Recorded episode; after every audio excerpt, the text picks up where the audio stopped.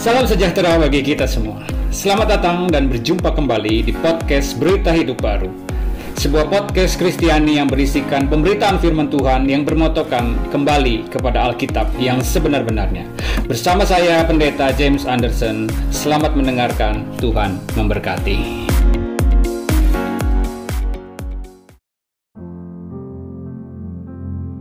Shalom sahabat berita hidup baru yang dikasihi Tuhan. Pada kesempatan kali ini saya akan menyampaikan firman Tuhan dengan judul Tuhan adalah Gembalaku.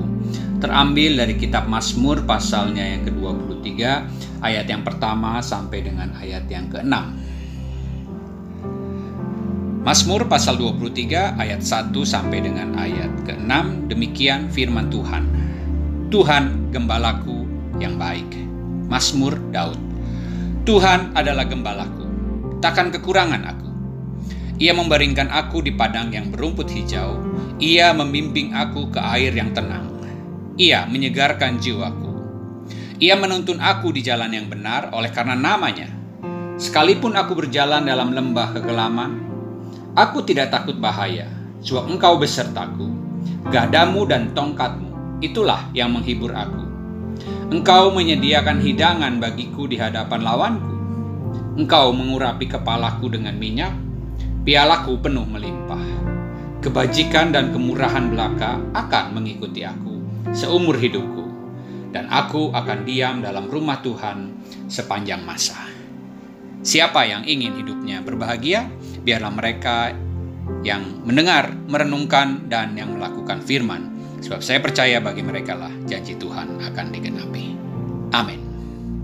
Bapak Ibu Saudara yang dikasihi Tuhan, Mazmur 23 adalah ayat Alkitab yang sangat terkenal, sering kali dikotbahkan. Oleh sebab itu, saya hanya bermaksud untuk mengulang dan mengingatkan kembali bahwa Tuhan adalah gembala kita yang baik. Di sini kita melihat Bapak Ibu Saudara bahwa Daud memanggil Tuhan sebagai gembalanya. Di dalam perjanjian lama, hal ini adalah sesuatu yang tidak lazim memanggil Tuhan sebagai gembalanya. Tetapi Tuhan, eh, tetapi Daud memanggil Tuhan sebagai gembalanya. Hal ini pasti tidak lepas dari pengalamannya dia sendiri sebagai seorang gembala domba, di mana dia pernah berhadapan dengan seekor singa dan juga seekor beruang ketika dia menggembalakan kambing dombanya. Dan dari sana dia tahu bahwa perlindungan Tuhan, penyertaan Tuhan ada bersama-sama dengan dia. Itulah sebabnya ketika dia berhadapan dengan Goliat. Dia berkata, Tuhan yang telah melepaskan aku dari cakar singa dan cakar beluang, ia juga akan melepaskan aku dari tangan orang Filistin ini. Secara manusia tidak mungkin manusia bisa menang melawan singa, manusia bisa menang melawan beruang. Tapi pengalamannya bahwa Tuhan meluputkan dia dari singa dan beruang membuat dia yakin bahwa sebagaimana dia sebagai gembala melindungi domba-dombanya, demikian juga Tuhan akan melindungi kehidupan Raja Daud. Dan pada kesempatan kali ini, saya mau menyampaikan sebuah kabar gembira bagi Bapak Ibu Saudara. Bahwa kita semua, ya saudara boleh memanggil Tuhan sebagai gembalanya. Jadi bukan hanya Daud yang boleh memanggil Tuhan sebagai gembala, tetapi kita khususnya orang-orang yang hidup di dalam perjanjian baru boleh memanggil Tuhan sebagai gembala kita. Tetapi tentu saja ada syaratnya. Yesus sendiri berkata, "Akulah gembala yang baik." Mari kita lihat di dalam Yohanes pasal ke-10 ayat yang ke-11 di mana Yesus berkata, "Akulah gembala yang baik. Gembala yang baik memberikan nyawanya bagi domba-dombanya." Yesus berkata, "Akulah gembala yang baik." Dan sebagai gembala yang baik, dia akan memberikan nyawa bagi domba-dombanya. Ini adalah sebuah janji yang diberikan oleh Tuhan. Dan ini bukan janji kosong sebagaimana para caleg yang memberikan janji kosong tetapi ketika mereka menjadi legislatif dan kemudian mereka melupakan janji-janjinya. Ketika Yesus berjanji, hal itu dibuktikan, yaitu ketika dia mati di atas kayu salib dan dia memberikan nyawa bagi domba-dombanya. Jadi syarat bagi kita untuk kita menjadikan Tuhan sebagai gembala kita adalah bahwa kita harus yakin dan percaya bahwa Yesus sudah mati di atas kayu salib untuk menggantikan kita. Untuk melindungi kita bahwa kita adalah domba-dombanya. Itu adalah syaratnya. Dan kalau kita meyakini bahwa Yesus sudah mati menggantikan kita, nah maka kita baru boleh menjadi domba-dombanya. Yang kedua, di dalam Yohanes 10 ayat yang ke-14 dikatakan, Aku gembala yang baik, dan aku mengenal domba-dombaku, dan domba-dombaku mengenal. Jadi syarat yang kedua, kalau kita ingin menjadikan Tuhan sebagai gembala kita adalah bahwa Yesus mengenal kita dan kita juga mengenal Yesus. Kita bisa berkata bahwa oh saya mengenal Tuhan, tapi pertanyaannya adalah apakah Tuhan mengenal kita? Secara kemahatauan ya tentu saja dia mengenal kita. Tetapi mengenal yang dimaksud di sini bukan hai kenalan dong lalu kita bisa berkata bahwa kita adalah orang yang mengenal. Tetapi yang dimaksud mengenal di sini adalah orang-orang yang memiliki hubungan. Saya tidak bisa berkata bahwa saya mengenal Presiden Jokowi saya hanya sekedar tahu Presiden Jokowi, tetapi saya mengenal istri saya. Kenapa? Karena saya bergaul dengan istri saya. Saya punya hubungan dengan istri saya sehingga saya percaya kepada dia, sehingga saya memiliki hubungan dengan dia. Nah, seperti apa gambaran dari orang-orang yang memiliki hubungan dengan Yesus. Di ayat yang pertama sampai dengan ayat yang kelima menunjukkan seperti bagaimana orang yang menjadikan Yesus sebagai gembalanya. Ayat yang pertama, aku berkata kepadamu, sesungguhnya siapa yang masuk ke dalam kandang domba dengan tidak melalui pintu tetapi dengan memanjat tembok, ia adalah seorang pencuri dan seorang perampok. Tetapi siapa yang masuk melalui pintu, ia adalah gembala domba. Untuk dia, penjaga membuka pintu dan domba-domba mendengarkan suaranya dan ia memanggil domba-dombanya masing-masing menurut namanya dan menuntunnya keluar. Jika semua dombanya telah dibawanya keluar, ia berjalan di depan mereka dan domba-domba itu mengikuti dia karena mereka mengenal suaranya. Tetapi seorang asing tidak mereka ikuti, malah mereka lari daripadanya karena suara orang-orang asing tidak mereka kenal. Jadi inilah gambaran dari yang namanya mengenal, yaitu tahu suaranya. Di sini dikatakan bahwa gembala memanggil domba-dombanya menurut nama secara personal, masing-masing dipanggil. Pada kesempatan kali ini, apakah saudara bisa mendengar suaranya bahwa dia memanggil nama saudara? Pertanyaannya adalah, Suara siapa yang kita ikuti sementara kita hidup di muka bumi? Karena ada banyak suara yang bisa kita dengar. Pertama ada suara iblis. Ada suara-suara, udah tahu. Ada cewek seksi malah dideketin. Ada suami orang eh malah diladenin. Itu adalah suara dari iblis. Demikian juga ada suara-suara dari dunia Suara dari dunia mengajarkan bahwa kawin cerai itu biasa. Apalagi zaman sekarang di abad ke-21, kawin cerai itu biasa. Itu adalah suara-suara dari dunia. Ada juga suara psikologi modern. Kita suka menyaksikan di televisi para psikolog-psikolog atau mereka yang mengajarkan filsafat-filsafat yang indah terdengar. Namun pada kenyataannya mereka sendiri tidak sanggup di dalam melakukannya dan pada akhirnya mendatangkan cemooh bagi diri mereka sendiri. Saya tidak perlu sebutkan siapa namanya. Jadi di luar sana ada banyak suara-suara yang bisa kita dengar dan kemudian kita ikuti. Tetapi Alkitab mengatakan bahwa Yesus sebagai gembala memanggil setiap domba-dombanya dengan suaranya dan seharusnya kita kenal dengan suara dari gembala kita. Jadi Bapak Ibu Saudara, kalau kita yakin bahwa Yesus sudah mati buat kita dan kita mengenal suara dari Tuhan Yesus yang memanggil kita untuk berjalan di dalam kehidupannya, maka saya mau mengatakan hal ini. Izinkan Yesus sebagai gembala berjalan di depan dan menuntun langkah hidup kita. Nah, apa keuntungan yang akan kita dapatkan jikalau kita menjadikan Yesus sebagai gembala kita. Jadi apa yang akan kita dapatkan? Ada empat hal yang akan kita dapatkan sebagaimana yang disampaikan oleh Raja Daud di dalam Mazmurnya yang ke-23. Yang pertama adalah jaminan pemeliharaan dari Tuhan. Di dalam ayat yang kedua dan juga di ayat yang ketiga dikatakan, Ia membaringkan aku di padang yang berumput hijau, Ia membimbing aku ke air yang tenang, Ia menyegarkan jiwaku. Ke mana lagi seorang gembala akan menuntun domba-dombanya selain ke padang rumput yang hijau, yang banyak dengan air. Mau makan tinggal makan, mau minum tinggal minum, mau berbaring, mau main, mau melakukan hal-hal yang lain silahkan. Demikianlah gambaran dari jiwa mereka yang digembalakan oleh Yesus.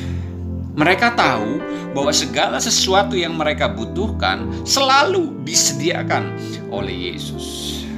Ingat ya, segala sesuatu yang mereka butuhkan bukan yang mereka inginkan. Tuhan Yesus berkata, "Jangan khawatir apa yang kau makan, minum, pakai. Semua itu dicari bangsa-bangsa yang tidak mengenal Allah, yaitu orang-orang kafir. Tetapi Bapamu di sorga tahu bahwa kamu membutuhkan semuanya itu. Jadi segala kebutuhan itu dijamin oleh Tuhan, bukan keinginan-keinginan kita. Masalahnya adalah kita sering kali menyusahkan diri kita sendiri melalui berbagai macam keinginan, sehingga pada akhirnya kita tergoda untuk mendengarkan suara yang lain, bukan suara dari gembala kita. Misalnya saya berikan sebuah contoh. Karena kita ingin kaya, maka suara yang kita dengarkan adalah suara dari iblis atau suara dari dunia. Ah, sudah biasa. Tipu-tipu dikit. Kalau yang namanya dagang nggak tipu-tipu dikit, mana bisa cuan, mana bisa untung. Nah, itu suara dari iblis atau suara dari dunia. Tetapi suara dari uh, gembala kita mengatakan neraca harus yang benar, timbangan harus yang benar. Dengan perkataan lain, dagang itu harus yang benar, nggak boleh pakai tipu-tipu sedikit. Itu suara dari suara ketidakbenaran, suara iblis, suara dunia. Jadi Bapak Ibu Saudara, jikalau kita menjadikan Yesus sebagai gembala kita, ada jaminan pemeliharaan dari Tuhan. Hidup di muka bumi ini hanya sementara.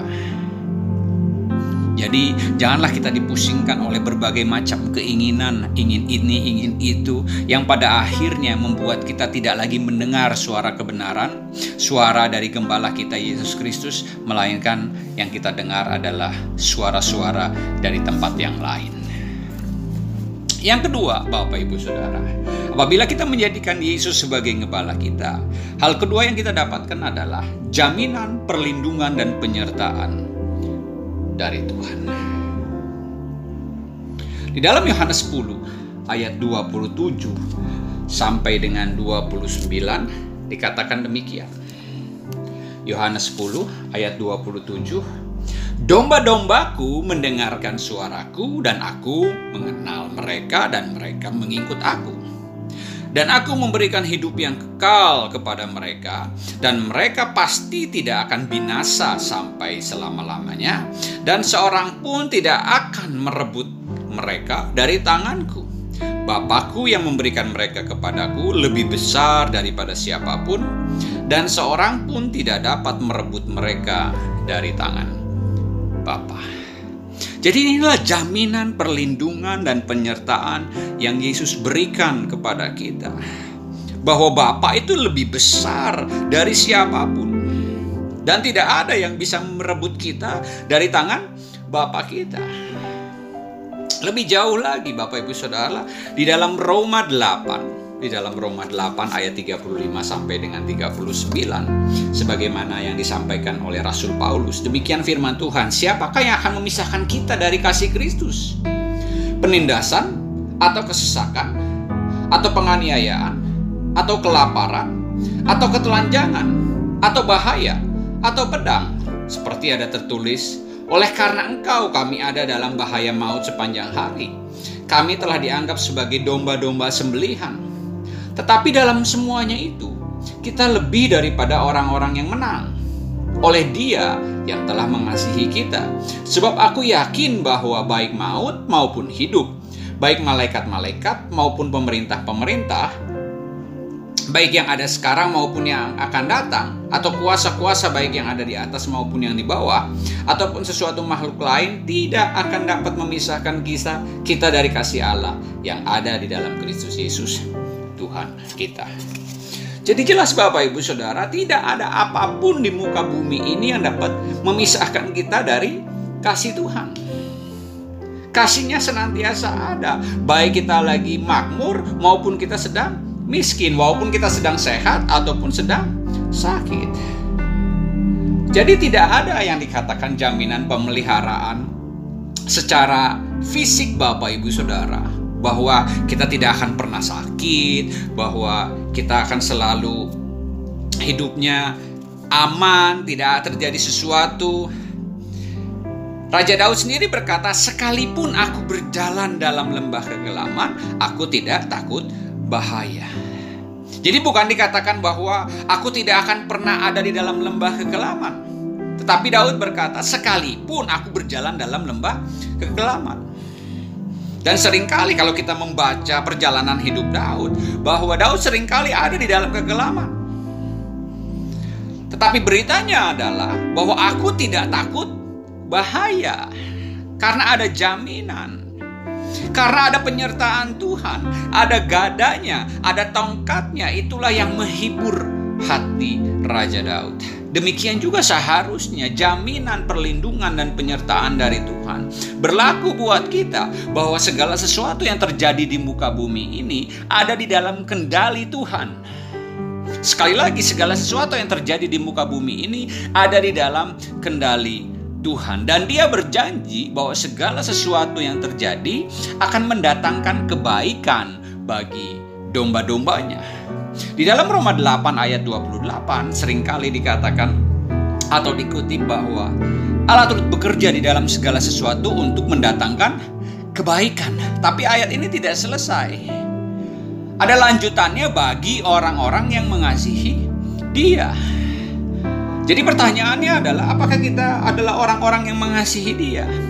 Kalau saudara yakin bahwa saudara adalah orang-orang yang mengasihi Dia, yang mendengarkan suaranya, maka yakinlah bahwa segala sesuatu yang terjadi, entah itu sesuatu yang baik dalam pandangan manusia ataupun sesuatu yang buruk, itu semua ada di dalam kendalinya Tuhan dan segala sesuatu itu diizinkan oleh Tuhan terjadi untuk mendatangkan kebaikan, untuk melatih kita.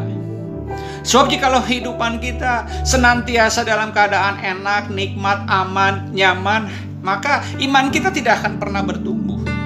Tetapi justru ketika ada, ketika kita jatuh, ketika kita ada di dalam kegelapan, kita belajar mengandalkan yang namanya Tuhan. Satu kali, dua kali, tiga kali, lama-lama kita sama seperti Daud.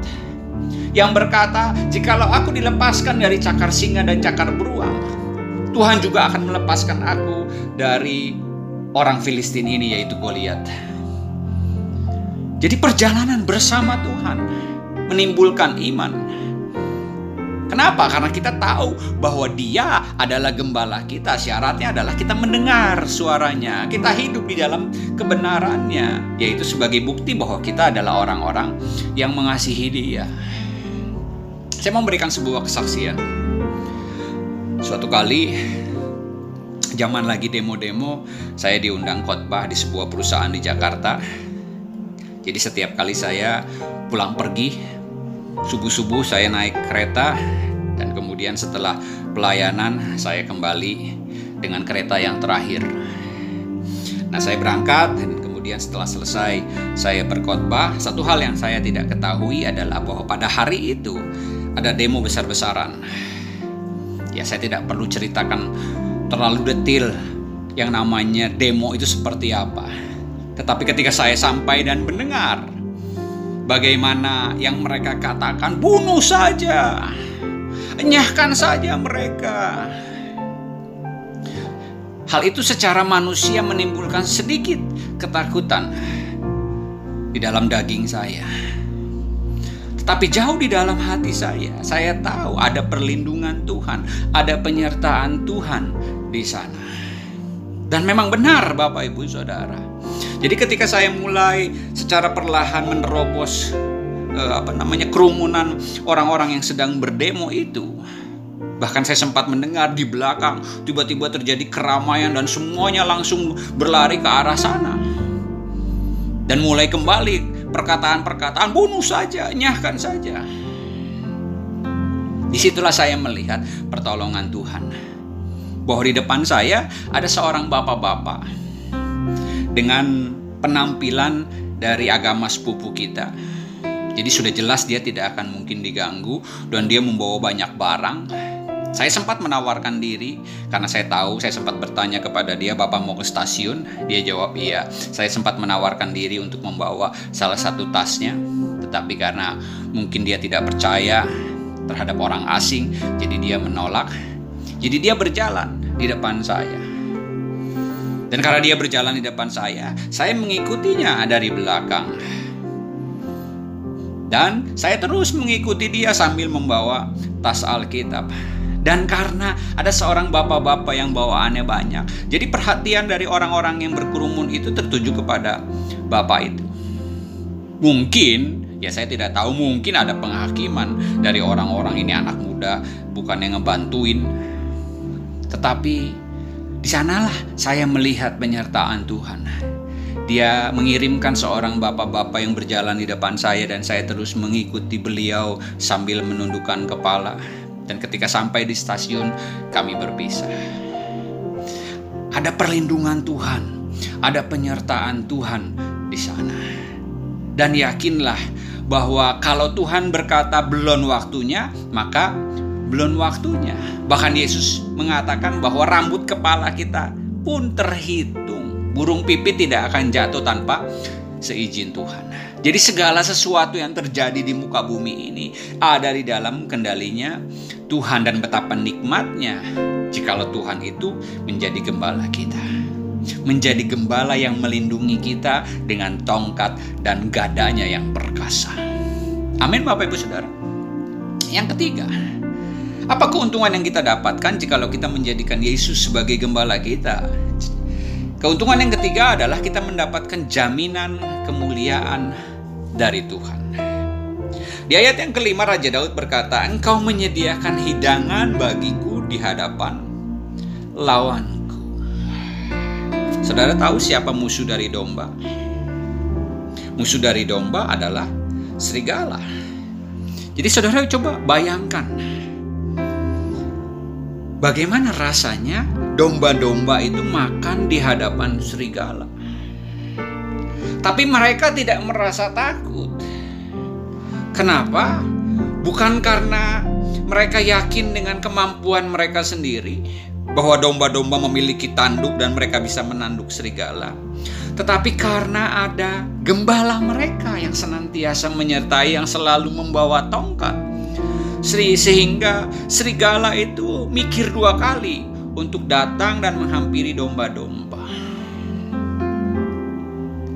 Nah, musuh kita di dalam perjanjian baru itu bukan bangsa-bangsa lain, bukan agama lain. Alkitab mengajarkan bahwa peperangan kita bukan melawan darah dan daging, artinya bukan melawan manusia sejahat apa pun mereka. Tetapi lawan kita adalah penguasa-penguasa di udara, roh-roh jahat yang ada di udara, alias setan. Dan bagi mereka yang menjadikan Yesus sebagai gembala, seharusnya tidak takut.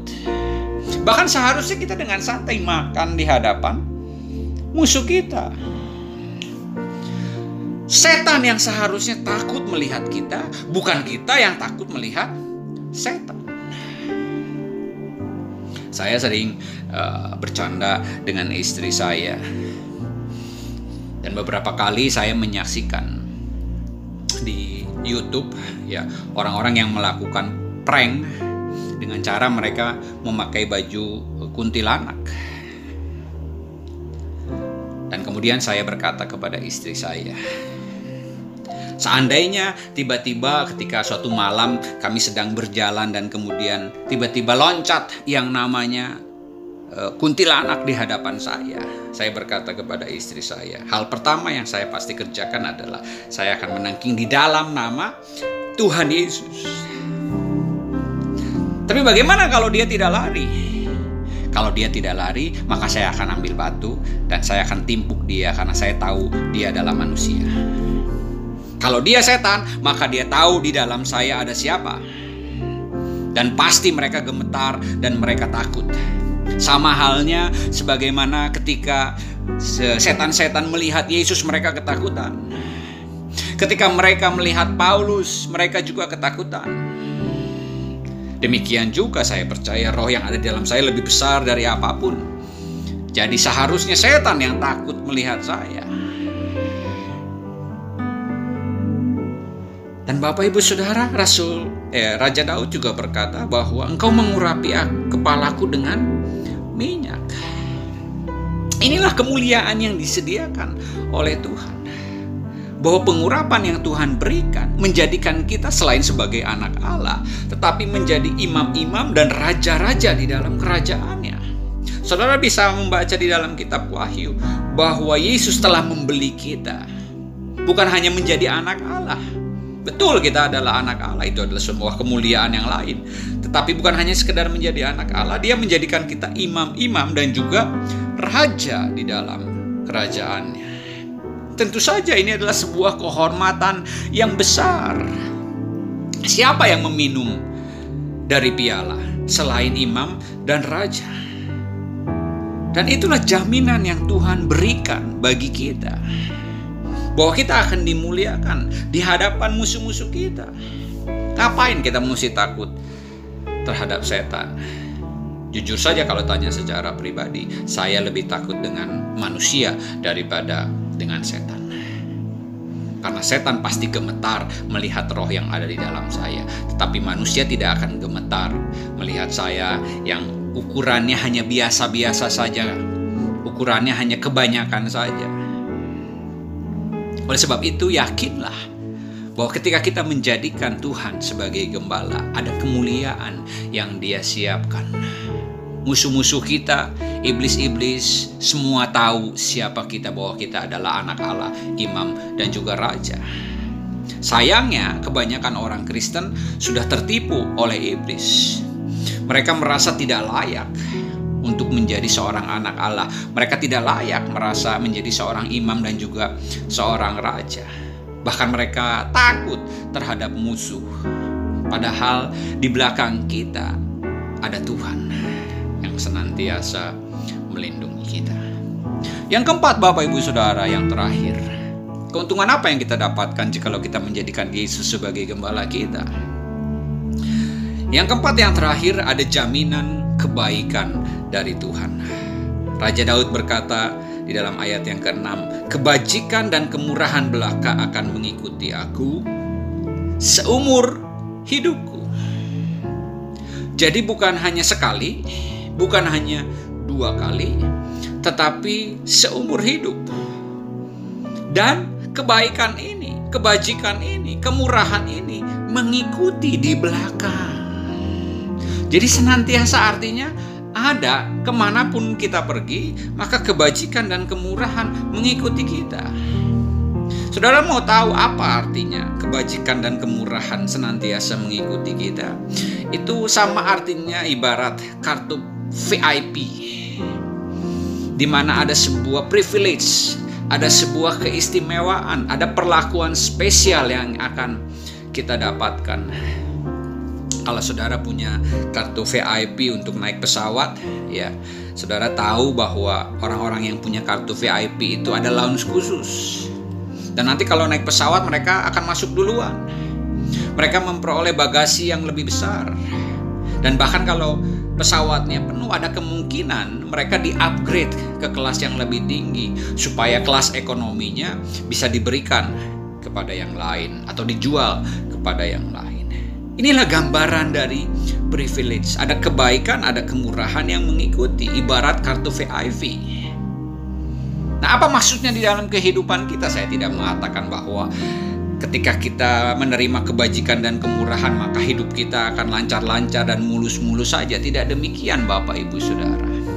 Tetapi ketika dibutuhkan, ketika pada waktu yang tepat, segala sesuatu yang kita butuhkan, sekali lagi yang kita butuhkan bukan yang kita inginkan, maka ada kebaikan Tuhan, ada kemurahan Tuhan di sana. Saya memberikan sebuah contoh pengalaman dari hidup saya sendiri, sebuah kesaksian ketika saya mencari sekolah untuk anak saya yang kecil Daniel. Ya, kehidupan kami pada waktu itu sedang susah-susahnya. Jadi saya berdoa kepada Tuhan, Tuhan, ke mana anak saya harus pergi ke sekolah? Dan saya tidak mau menjadi orang yang ngoyo, memaksakan diri harus ke sekolah ini dan itu. Jadi saya mau bertanya, kalaupun harus masuk ke sekolah negeri, ya nggak apa-apa masuk sekolah negeri. Saya juga dulu sekolah di sekolah negeri, jadi saya tidak punya masalah anak saya di sekolah di sekolah negeri kalau itu menjadi keinginan Tuhan. Namun saya juga berdoa Tuhan, kalau boleh, yang dekat dari rumah dan kebetulan yang dekat dari rumah itu adalah eh, PPK. Dan kemudian secara ajaib ya orang-orang memberikan suatu persembahan dan mereka katakan entah kenapa saya didorong oleh Tuhan untuk memberi persembahan. Ada yang 500 ada yang satu juta dan seterusnya. Maka terkumpullah 3 juta. Lalu kemudian saya memberikan uh, persepuluhan 300 ribu. Jadi yang saya dapatkan adalah 2,7 tetapi untuk masuk ke sekolah BP kan tentu saja 2,7 juta tidak cukup Bapak Ibu Saudara jadi saya bertanya lagi kepada Tuhan karena pemberian-pemberian dari orang lain itu sudah berhenti. Tadinya saya pikir Tuhan akan terus berikan, berikan, berikan, berikan sampai uangnya cukup. Tetapi rupanya sampai 3 juta berhenti bantuan tersebut. Jadi makanya saya berdoa lagi. Tetapi ajaibnya Bapak Ibu Saudara, tidak lama kemudian saya dipanggil oleh gembala sidang saya pada waktu itu dan dia mengangkat saya menjadi seorang pendeta pembantu. Dan dengan kartu pendeta itu saya datang ke BPK dan saya mendapatkan diskon dan pada akhirnya jumlah yang harus saya bayarkan setelah didiskon adalah 2.700 sekian puluh ribu. Jadi yang harus saya bayarkan dari uang kantong saya sendiri adalah sekian puluh ribunya tersebut. 2,7-nya disediakan oleh Tuhan. Ada sebuah kebutuhan menyekolahkan anak. Tapi Tuhan yang dengan kebaikannya dan kebajikannya mengirimkan bantuan tersebut. Dan itu terus mengikuti kehidupan saya. Saya bisa berikan sebuah kesaksian yang lain. Suatu kali karena satu dan lain hal kami terpaksa berangkat. Itu mepet sekali. Dan saya tahu bahwa kami harus membeli anggur perjamuan terlebih dahulu sebelum kami pergi pelayanan jadi pergi kami pergi ke sebuah mall di mana kami tahu di sana ada eh, apa namanya toko, eh, toko buku Kristen yang menjual uh, anggur untuk perjamuan. Hari itu adalah hari Sabtu dan sangat ramai dan tempat parkir hampir penuh. Saya katakan hampir penuh karena memang ternyata ada tempat. Saya cari-cari dan saya tidak melihat.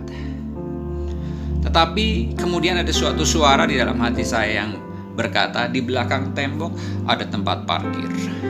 Jadi jelas itu kehalangan tembok saya tidak bisa melihat. Dan kemudian suara itu berlanjut ketika kamu nanti sampai di lift kamu akan mendapatkan lift langsung terbuka dan kamu bisa langsung sampai ke toko. Jadi saya mengikuti suara tersebut, saya berjalan, saya menjalankan motor saya ke ke arah tembok tersebut yang kalau dilihat sebetulnya sudah penuh karena e, tempat di mana tembok itu adalah dekat sekali dengan lift. Tetapi saya percaya bahwa kebajikan dan kemurahan Tuhan itu akan mengikuti. Jadi saya ikuti saja kata-kata di dalam hati saya tersebut dan benar ada satu slot kosong, hanya satu-satunya slot kosong di sana dan saya parkir. Dan kemudian saya berjalan ke arah lift. Ternyata ada banyak orang di lift tersebut dan kami memencet tombol lift. Lift terbuka sesuai dengan yang firman yang saya dengar di dalam hati saya. Orang-orang semua pada masuk dan ketika saya mau masuk karena saya orang paling akhir, liftnya sudah penuh. Jadi sempat ada sebuah pertanyaan, apakah saya harus memaksakan diri ikutan berdesak-desakan dengan mereka? Tapi liftnya sudah penuh. Apakah suara yang saya dengar salah?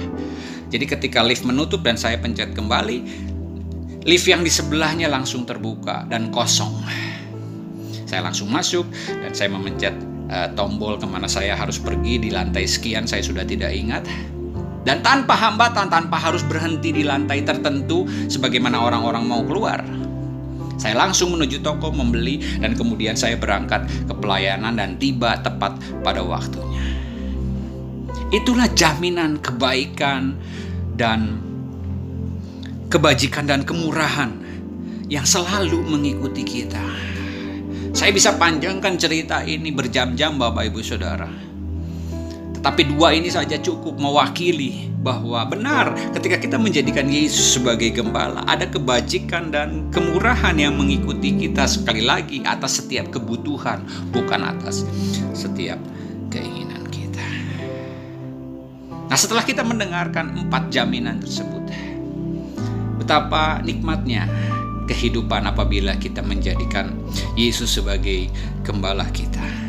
Tapi saya mau berikan satu berita sukacita yang lebih daripada empat jaminan yang sudah saya beritakan sebelumnya. Raja Daud berkata, "Dan aku akan diam dalam rumah Tuhan sepanjang masa." Waduh, ini bagian yang yang bagi saya merupakan sesuatu yang lebih indah daripada jaminan-jaminan yang sebelumnya yang Raja Daud sampaikan. Diam di dalam rumah Tuhan. Dalam rumah Tuhan di mana? Tentu saja di sorga dan nanti bagi kita ada di, Yerusalem baru. Tetapi Bapak Ibu Saudara, saya mau beritahu Ketika saya membaca aku akan diam dalam rumah Tuhan sepanjang masa Yang menjadi kegirangan yang saya juga yakini dari Raja Daud itu bukan soal rumahnya. Ketika Raja Daud berkata rumah Tuhan, maka yang dimaksud adalah kemah suci. Daud yang berniat untuk mendirikan sebuah bait Allah. Namun pada akhirnya anaknya yang mendirikan yaitu Salomo. Jadi pada saat dia berkata, Raja Daud berkata rumah Tuhan, pasti yang dimaksud adalah sebuah kemah suci. Tempat yang kecil. Dan dia katakan aku akan tinggal di dalam rumah Tuhan. Bait Tuhan, bait itu artinya adalah rumah atau tempat kediaman. Dan tentu saja yang dimaksud itu bukan rumahnya. Karena sebuah kemah kecil seperti itu, apa keindahannya? Tetapi yang dimaksudkan oleh Raja Daud adalah sebagaimana yang juga saya nanti-nantikan adalah bahwa di dalam rumah itu saya akan bersama-sama dengan Tuhan untuk selama-lamanya. Inilah janji yang diberikan oleh Tuhan kita kepada penjahat yang ada di sebelah salib Tuhan Yesus. Dia berkata pada hari ini juga engkau akan bersama-sama dengan aku di Firdaus. Bukan Firdausnya yang penting tetapi bersama-sama dengan akunya yang penting. Firdausnya nggak penting. Tetapi bersama-sama dengan dia yang penting. Di dalam Yohanes 14 juga Yesus pernah berkata di rumah Bapakku banyak tempat tinggal. Jikalau tidak demikian, pasti aku mengatakannya kepada Aku pergi ke sana untuk menyediakan tempat bagimu, dan setelah aku pergi ke sana dan menyediakan tempat bagimu, aku akan datang kembali dan membawa engkau ke sana, supaya di mana aku berada, engkau pun pun berada. Jadi inilah yang disampaikan oleh Raja Daud, aku akan diam dalam rumah Tuhan. Keindahannya bukan rumah Tuhannya, tetapi karena kita diam di dalam rumah Tuhan, secara otomatis kita akan bersama-sama dengan Tuhan untuk selama-lamanya. Ini adalah keindahan ketika kita menjadikan Yesus sebagai gembala kita. Ketika kita menjadikan Tuhan sebagai gembala kita. Endingnya adalah kita akan bersama-sama dengan dia untuk selama-lamanya. Kita dimuliakan, kita bersuka cita tetapi lebih daripada semuanya itu.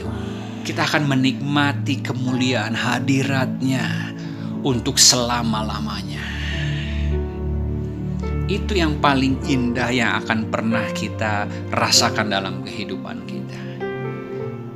Bahwa kita akan menikmati Tuhan untuk selama-lamanya.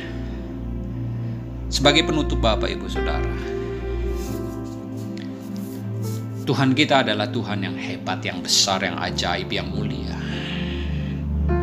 Tapi dia menyatakan dirinya sebagai Bapa.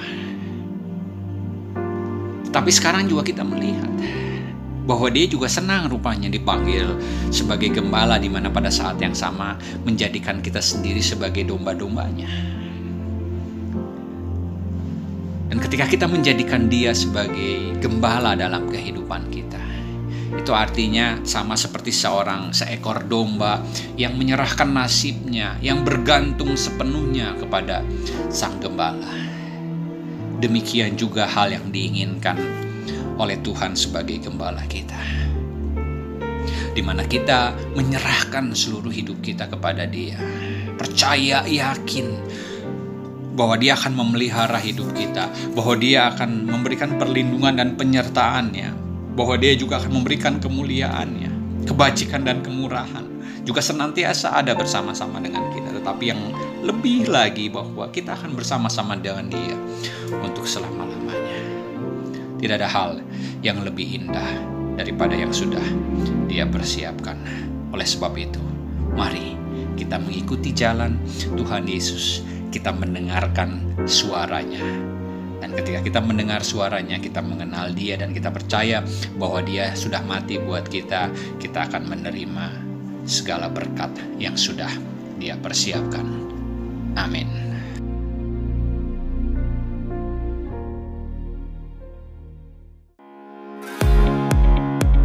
Terima kasih sudah mendengarkan podcast Berita Hidup Baru. Kami juga menyediakan pemberitaan firman Tuhan dalam bentuk tulisan yang dapat saudara temukan di situs kami, beritahidupbaru.blogspot.com, tanpa menggunakan spasi. Semoga apa yang saudara dengar atau saudara baca dapat menjadi berkat dalam hidup saudara. Amin. Tuhan memberkati.